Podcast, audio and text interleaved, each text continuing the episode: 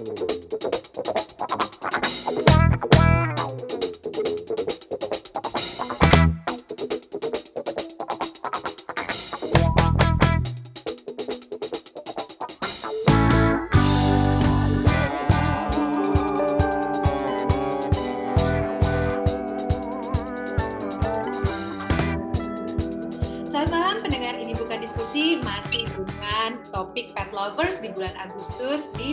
ini bukan diskusi yang bisa didengarkan di podcastnya Apple, Spotify Podcast atau juga di Google Podcast. Untuk topik malam ini adalah pet lovers burung. Loh, kenapa burung? Karena seru. Nah, temen gue Ningrum, Ning ini um, seneng banget um, miara binatang, tapi entah kenapa yang dia piara adalah burung, padahal dia tinggalnya di apartemen. Jadi makanya gue penasaran, gimana sih caranya miara burung itu uh, apa nggak takut? Apa sih kayak bawa-bawa zaman dulu kan virus burung gitu di dalam rumah nggak boleh. Atau enggak kayak misalnya Ning, Ning ini kebetulan tinggalnya di Amerika ya guys. Tapi dia bisa bahasa Indonesia ya Ning ya? Ya dong. ya dong. Apalagi bahasa Sunda. Sunda Hayu. Sunda Sunda pasti ya Ya dong. jadi soalnya. Nah, terus Ning tinggal di Amerika, terus tinggal di apartemen, terus dia bisa miara burung. Itu ceritanya kayak gimana? Selamat malam nih. Malam. Ning apa kabar? Alhamdulillah saya. Alhamdulillah sayangnya, aduh senang, senang pisan nih. Kalau hurian kita zaman SMP kan, kenapa pilih burung itu pasti ketawa-ketawa ya di Bandung mah. Iya, aneh. Kenapa sih? Kenapa? Kenapa burung itu selalu diidentikan dengan itu? Kenapa ya? Misteri kehidupan. tapi nggak serius, tapi gue penasaran. Lu kan orangnya kayaknya em, telaten, ulet. Terus kenapa kenapa tapi pilih burung? Kenapa nggak em, kucing atau anjing gitu? Pertama kali yang lo pikirin ketika lo memilih burung untuk menjadi binatang peliharaan, apa dasarnya? Justru peliharaan burung itu untuk orang yang telaten. Oke.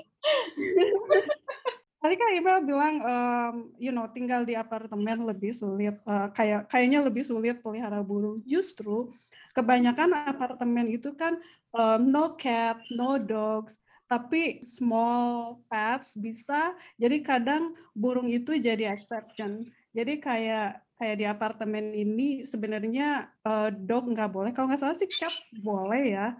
Hmm. Em, tapi burung itu boleh karena mereka lebih kecil dan dan mereka mikirnya si burung diam di dalam kandang walaupun sih kebanyakan mereka diam di luar kandang gitu. Hmm. Terus lo kenapa pilihnya? Kenapa lo milih binatang piaraan burung? Apa pas Eh, di Bandung lo udah suka miara burung juga gitu orang tua atau pas lo di Amerika aja lo kepikiran? orang tua dulu punya burung sih, dulu jenisnya apa ya? Lupa namanya ya, em, dari Irian, dari Papua. Hmm. Mm, terus namanya Oir, dia selalu ngomong Oir, lucu banget, warnanya merah gitu. Tapi eh, intinya sih kita emang suka binatang unggas karena binatang unggas itu lain dari yang lain gitu. Dia cuma, you know, dia berkaki dua gitu. Terus em, kelihatannya aneh tapi lucu, terus pinter dan descendannya dinosaurs. Waduh. Dan yang Saya juga suka sama descendants-nya dinosaur yang berupa ayam aliwang ya. ayam balado. itu yang yang udah di piring ya. Gitu dah ya. Oh jadi emang emang udah dari kecil lu emang udah biasa lihat burung gitu ya. Mhm. Terus Mm-mm.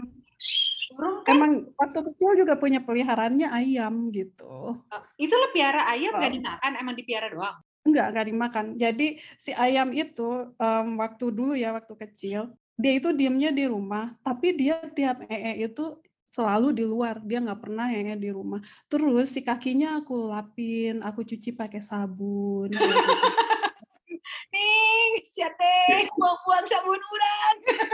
Dulu kan em, masih naik motor gitu ya. Hmm. Terus dia itu tahu kalau udah saatnya em, aku mau mau kerja, terus dia itu udah udah hinggap di belakang motor, eh, di maksudnya di back seat gitu. Terus dia diem di situ, terus aku bawa motor, dia itu yang kayak boncengan gitu sampai keluar like sampai jalan besar, dia baru turun, terus dia balik ke rumah. Gila pinter ya. Gue pikir, enggak, gue pas browsing-browsing sebelum interview nih, uh, mm-hmm. kan emang katanya burung ini pinter banget. Tapi gue nggak pernah kepikiran, oh iya ya ayam juga burung ya, terus ayam juga berarti pinter ya. Terbukti dong ini ya. pasti bawa jalan-jalan ya. tahu kapan berhenti. Iya emang um, katanya sih burung itu punya IQ IQ atau apa ya? Kayak anak usia tiga tahun. Kadang lebih pintar dari anak tiga usia tiga tahun sih. Terus sekarang lu punya berapa burung di rumah? Jenis burungnya apa aja? Sekarang cuma punya dua. Um, yang satu namanya Linux. Kayak itu loh nama komputer Linux. Um, you know. Um, terus lagi Ubuntu. Ya, lagi apa? Yang satu lagi namanya Yoshi. Yoshi itu kan hijau, hmm. kayak itu loh, kayak mainan uh, Nintendo, kayak dari Mario, Yoshi. Enggak, enggak tahu. Gue kan game ya? Gak main, okay. gak main oh, Nintendo. Kan, kan orang tua uh, saya nggak kayak orang tua kamu nih. Sumpah, saya orang miskin, Mel. Kita berdua miskin ya, Pak Miskin-Miskin di podcast. Ini bukan diskusi. Oke, okay, jadi si Linux sama si Yoshi ini jenisnya apa? Oke, Linux itu kalau di Indonesia sebutnya parkit ya. Kalau sini ah. parkit. Ah. Terus um, kalau bird nerd manggilnya itu baji.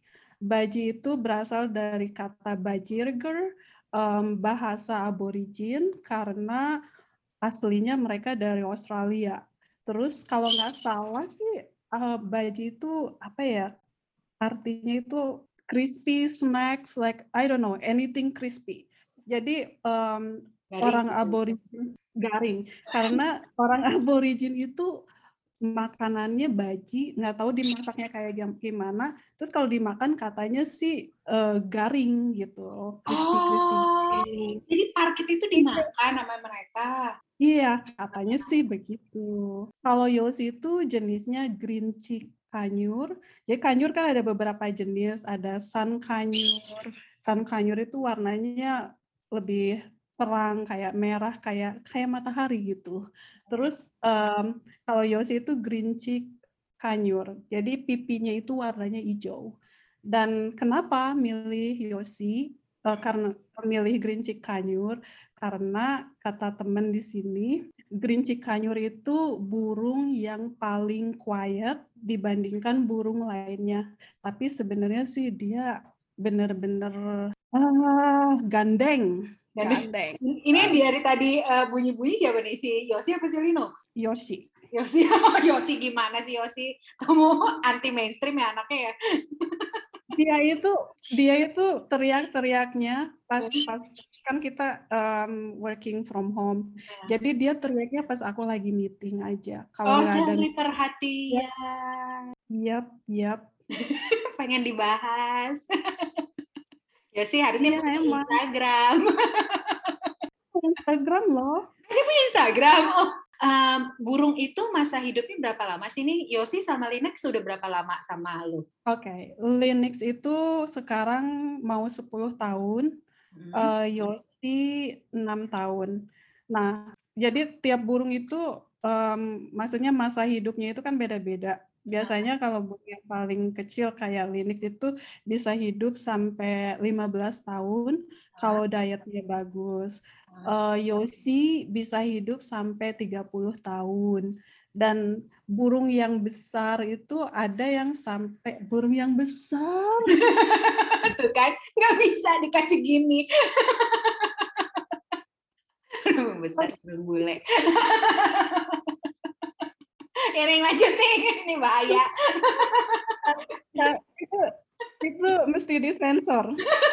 Enggak nanti gue tag gue tag buat episode yang ini uh, apa adult stuff. ya, burung yang besar bisa hidup beberapa tahun. Nih. Oh, bisa bisa sampai 70 80 80 tahun. Aku sih ngasih saran ya buat yang mau um, pelihara burung.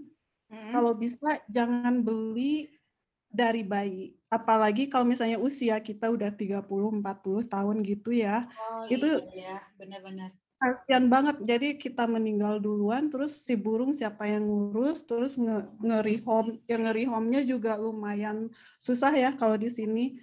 Terus dan dia itu bisa depresi. Depresinya itu kasihan banget. Um, biasanya burung yang stres, depresi karena karena mereka itu kan um, binatang yang sosial, jadi sangat complicated gitu.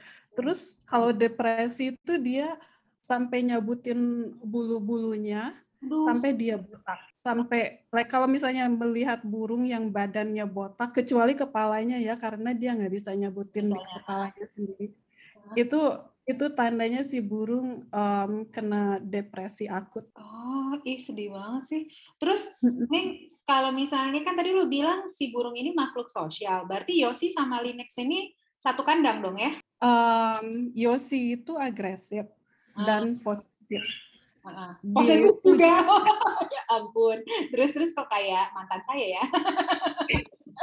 terus terus curhat, curhat. curhat, kesempatan. ya. Linux ini lebih pendiam, lebih kalem. Uh, Linux itu lebih suka dengan burung lagi, dia kurang kurang suka dengan manusia, tapi dia enjoy apa ya kalau kita dekat dengan dia gitu, tapi dia nggak mau dipegang.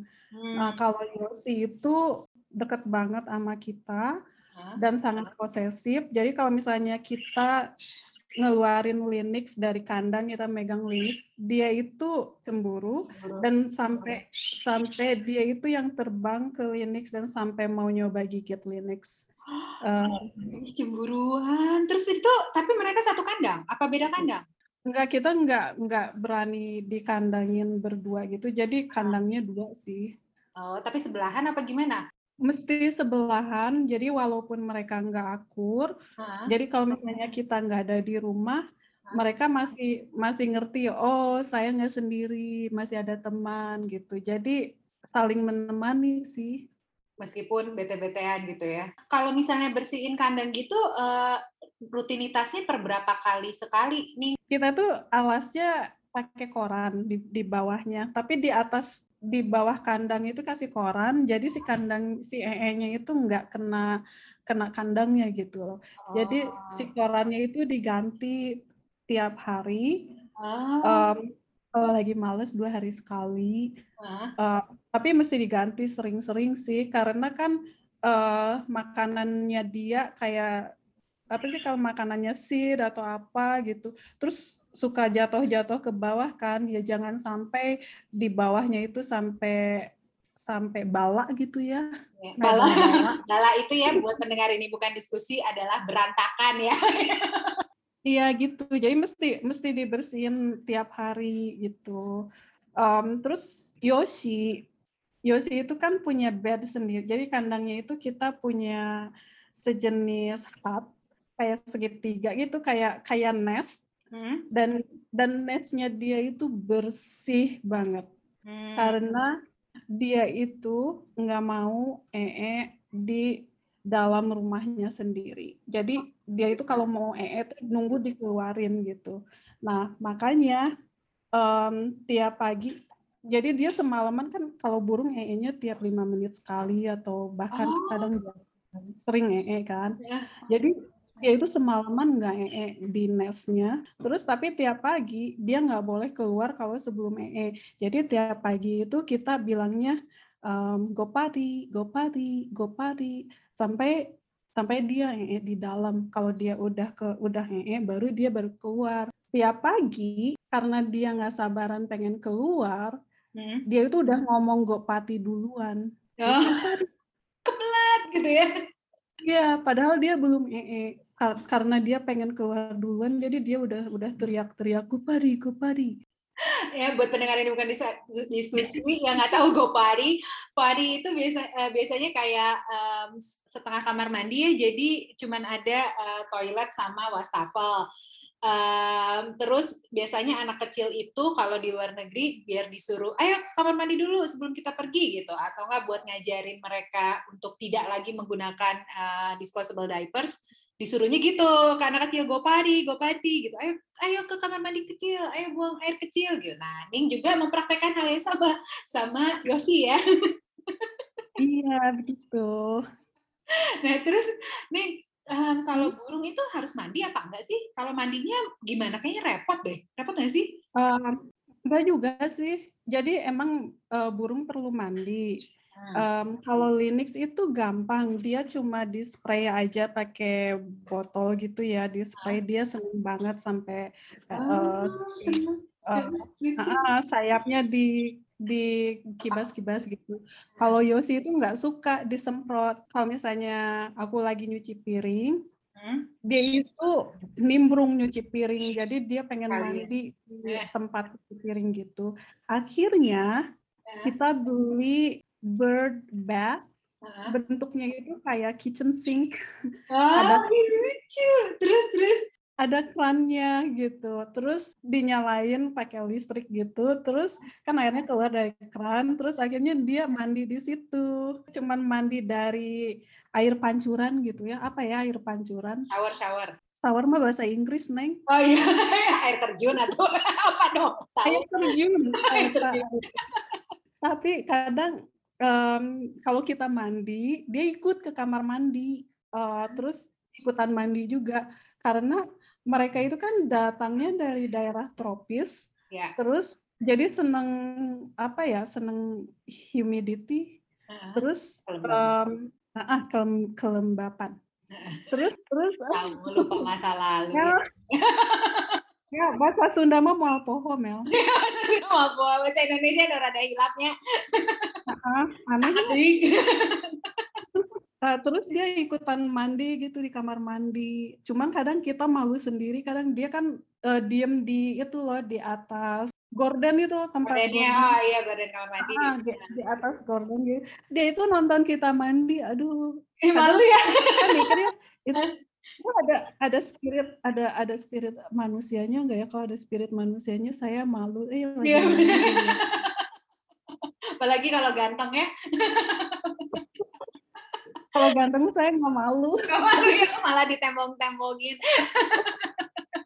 Nih, kan si uh, Linux sama Yosi ini uh, warnanya tuh terang ya, hijau, terus hmm. ada merahnya cara hmm. merawat bulu sama warnanya itu gimana sih? Harus ada grooming gitu ke salon atau sendiri juga bisa atau tergantung sama tipe makanan atau minumannya aja?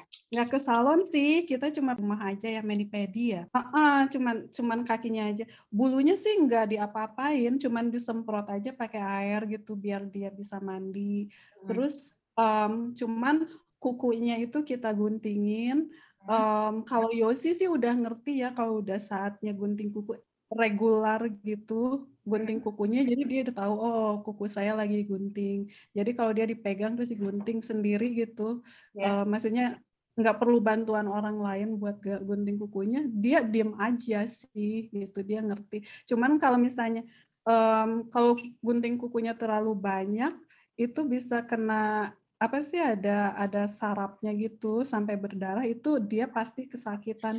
Kadang sih pernah ya accident gitu ke yeah, yeah. kepanjangan dipotongnya dia teriak gitu sampai gigit tangan gitu. Jadi mesti hati-hati sendiri sih. Kalau si Linux kalau di kukunya diguntingin um, uh, santai juga, lempeng juga atau ada perlawanan?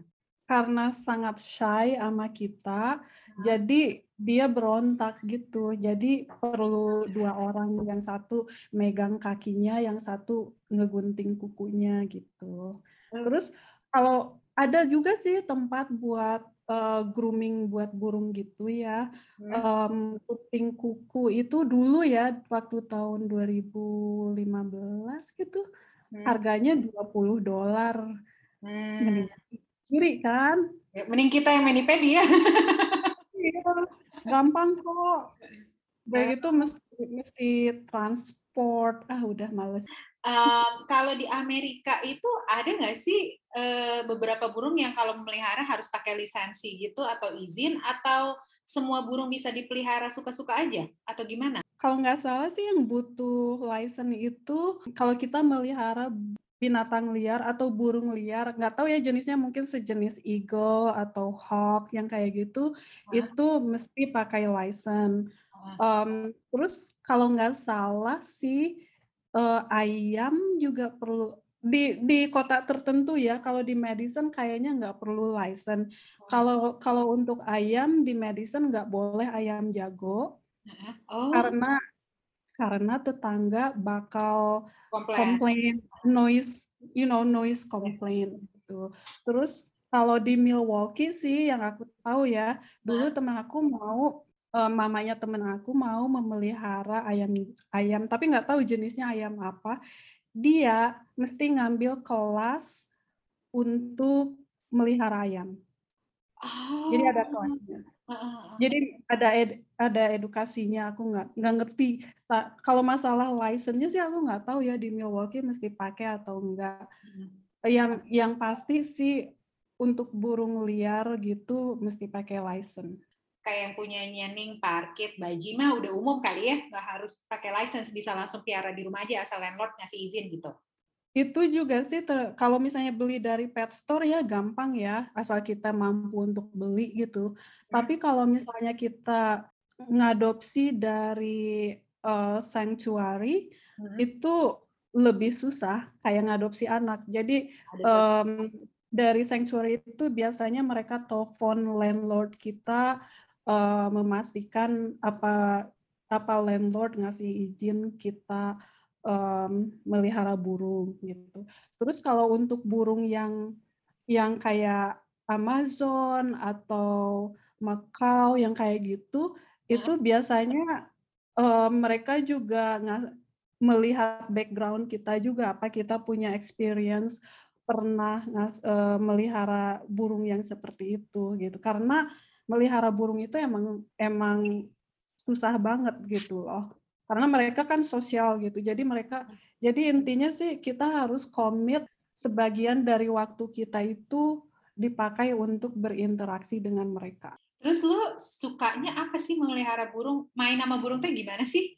Terus, mmm, lu ada trik-trik ngajarin burung, kan kalau di sirkus-sirkus tuh burung disuruh ngambil Mhm. makanan, terus pindahin ke Mhm. tempat satu lagi gitu. Itu lu juga, Mhm. eee, ngajarin itu ke si Yosi sama Linix? Kalau di Indonesia kan orang pelihara burung karena kecantikannya, karena suaranya yang kayak gitu-gitu kan. Aku sih emang emang seneng burung, terus yang kedua, Yosi itu seneng snuggle. Tiap malam itu dia nggak mau tidur, nggak mau masuk kandang sebelum cuddle dengan kita gitu. Dia itu masuk ke kaos Oh, heeh. masuk ke kaos sampai ke ke dalam baju, Heeh. sampai dia tidur. Jadi kalau udah tidur dia baru dimasukin ke tempat tidurnya gitu. Ya ampun, kayak jadi anak-anak. kelakuan iya pokoknya yang kelakuannya yang yang lucu-lucu gitu. Terus kadang ya yang yang paling paling nyenengin itu dulu ya waktu masih kerja bel sebelum sebelum teleworking gitu, Hah? misalnya aku buka pintu, terus dia kan selalu di luar kandang. Terus dia itu yang, mmm, terbang dari dari mana nggak tahu di dalam rumah ke pintu, terus hinggap di kepala, terus dia bilang, "I miss you." Jadi kayak anjing tapi bisa ngomong gitu ya? Heeh. heeh. Terus itu kita kan remote mobil, mmm, ada 2, yang satu itu mobil nyala di bawah di parkiran, Mmm. eee, atau dimat mesin dimatiin itu suka ada suara beep-beep gitu. Jadi kalau misalnya Drew pulang kerja, terus si remote kan bunyi tuh. Heeh. Udah itu Yosi udah ngerti, "Oh, Toddy is coming home." Oh iya, dia manggil manggil Drew itu Toddy. Oh, kenapa Toddy? Nggak ngerti itu dia dia itu yang ngarang-ngarang gitu. Oke. Kalau manggil apa dong si Yosi? Eee, Kiwi. Jadi Toddy sama Kiwi, ih aneh banget sih. Heeh. Dulu dulu kan kita punya burung namanya Kiwi. Heeh. Nah, kita sering manggil Kiwi gitu, terus Kiwi udah meninggal. Heeh. Tapi dia pikir Kiwi itu aku, jadi dia suka minggil manggil aku Kiwi. Eh, eh kalau burung meninggal di Amerika lu taruh di mana, Ning? Bisa dikuburin di mana aja atau harus, mmm, sesuai prosedur? Mmm, aku nggak pernah nguburin burung, Mmm. semua burung yang mati kita, eee, kremasi. Eee, ada ada ada funeral eee, bukan funeral, apa sih, tempat kremasi Heeh. kremasi binatang gitu. Mmm, terus ya itu kalau misalnya meninggal terus dikirim ke tempat kremasi, udah gitu, eee, dikasih di dibalikin abunya. Oh. Cuman, eee, terus dikasih ini juga sih ada apa, footprint yang kayak gitu-gitu dikasih ada dibikin cantik gitu biar biar kita inget kayak gitu. Kadang mereka disisain 1 bukan feather, mmm Oh, bulu bulunya buat kenangan. Uh, bulunya. Gue jadi penasaran, itu umum ya karena kayaknya tempat kremasi binatang peliharaan. Berarti bukan cuma burung doang dong, bisa binatang lain juga. Umumnya sih orang sini ya dikremasi. Nggak tahu ya, aku nggak pernah ada di sini temen atau orang yang aku kenal, terus anjingnya meninggal, terus dikubur. Kayaknya nggak pernah ada deh. Kayaknya mereka dikremasi semua deh. Iya, gue kayaknya pernah dengar juga sih ada aturan. Gue nggak gue nggak yakin di state mana, cuman memang tidak boleh menguburkan binatang peliharaan. Harus ke mana gitu, gue nggak tahu. Iya, tapi gue nggak kepikiran juga sih dikremasi. Ah, ini kan hmm. dapat info baru lagi kan. Tapi kayaknya kalau burung bisa sih dikubur gitu di belakang rumah kayak gitu kan nggak akan ngaruh ya. Kecuali mungkin kalau anjingnya gede kayaknya nggak boleh dikubur kayaknya. Iya, tergantung state juga kali ya, karena kayaknya ya Amerika rada liar ya, tiap state beda aturan. Dukanya miara burung gimana? Kan lu tadi cerita pernah punya burung namanya kiwi, hmm. terus kiwi meninggal. Berarti itu termasuk salah satu sedihnya dong selain kalau misalnya iya. baru-baru gitu mereka baru-baru dibawa pulang stres nggak sih mereka di rumah? Um, ya sih emang hari pertama kedua ya setelah dia uh, diadopsi gitu emang agak stres tapi lama-lama sih mereka udah terbiasa gitu. Umumnya ya semua burung yang yang meninggal itu kena kena tumor dan kanker. Oh. uh, at, at least yang aku punya ya. Dulu aku punya uh, kaketel apa ya kaketel bahasa Indonesia-nya? Apa? Kakak tua uh, itu dia kena kena tumor nah dulu dia namanya Inuyasa kita pernah adopsi baji kita rescue dia karena dia punya kanker di hidungnya, jadi dia nggak punya hidung. Wow. Terus setelah tiga tahun, si kankernya itu menyebar ke seluruh mukanya. Hmm. Terus uh, kita bawa ke rumah sakit, terus dioperasi. Setelah operasi selesai, dia nggak pernah bangun. Jadi ya itu deh um, dukanya punya burung gitu itu ya kayak gitu. Terus Linux kan sekarang udah 10 tahun. Uh -uh. Udah tua ya? Sejak uh, sejak tiga tahun terakhir dia punya tumor. Hmm. Nah, jadi sejak tiga tahun terakhir itu um, dia bolak-balik ke dokter gitu hmm. uh, untuk disuntik namanya Lufron, um, drugs untuk suppress tumornya dia gitu. Jadi waktu itu tahun pertama dia disuntiknya tiap enam bulan, tapi efektivitas drug itu enggak jadi menurun gitu loh, semakin yeah. lama semakin menurun. Terus lama-lama tiap tiga bulan sekali, nah sekarang tiap dua bulan sekali. Nah kemarin itu minggu kemarin ya dia sakit banget, terus dibawa lagi ke dokter, terus sedihnya si dokter bilang kayaknya ini bakalan jadi tahun terakhir buat Linux gitu. Terus uh, kita harus mutusin, eh, maksudnya kita harus lihat harus catat apa yang tiga jenis yang Linux suka uh, lakukan tiap hari. Misalnya, oh Linux suka makan treatnya dia, terus Linux suka uh, teriak-teriak kalau Yosi nggak ada di ruangan yang sama.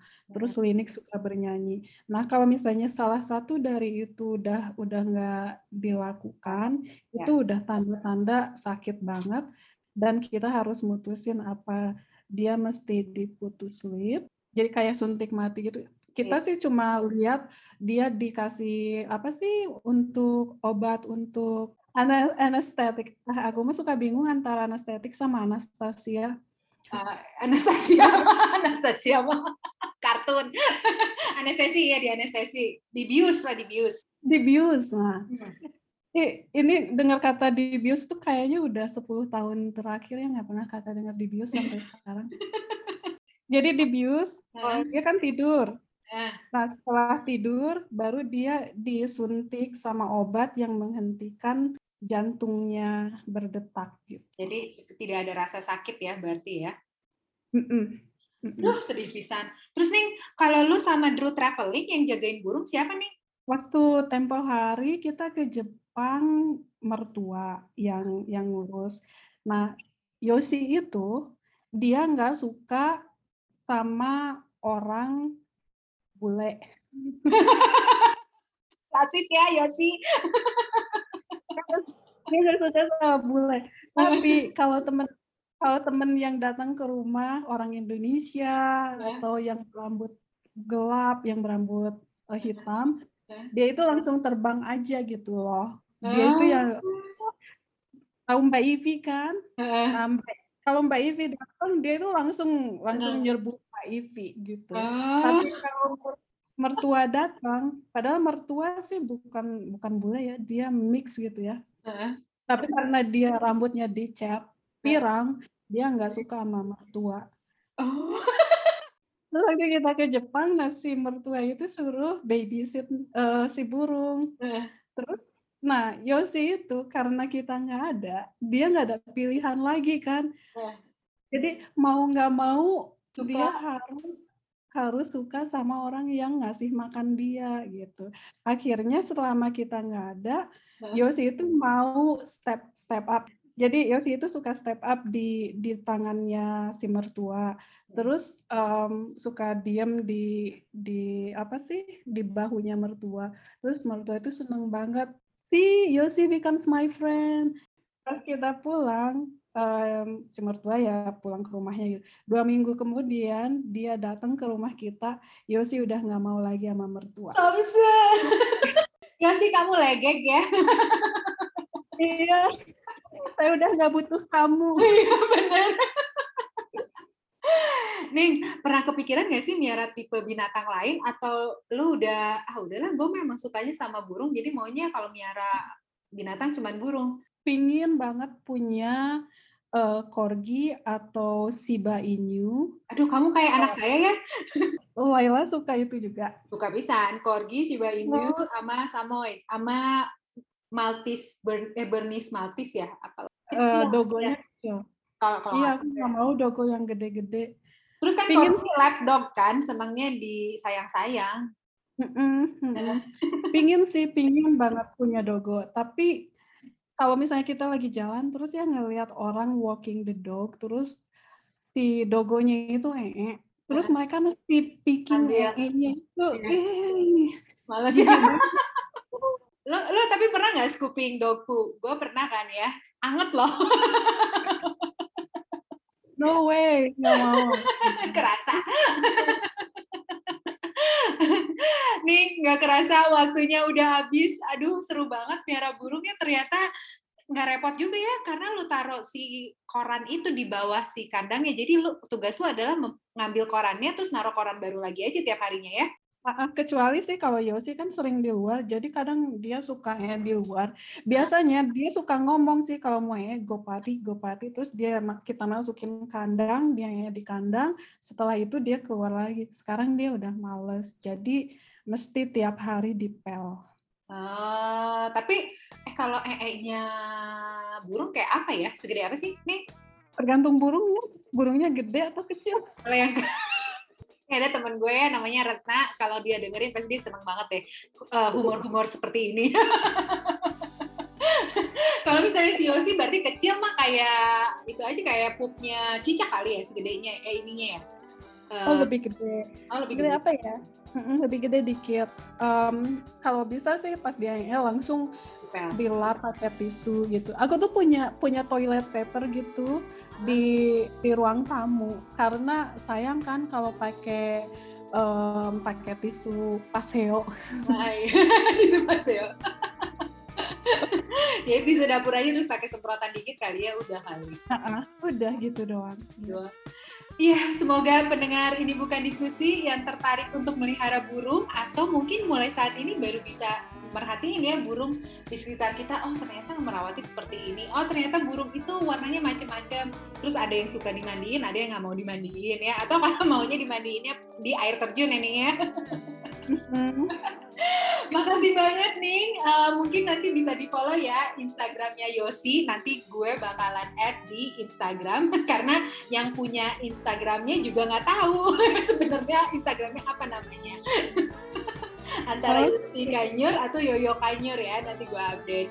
Em, terima kasih banyak nih untuk waktunya seru banget dan semoga eh, humor-humor mengenai burung di daerah Sunda tidak berlanjut ya. Sama Mel, selalu seru deh yang ngobrol sama email. Iya, soalnya kurang berguna ya dan tidak bermanfaat. Selamat malam semuanya. Selamat malam nih. Malam. Sehat.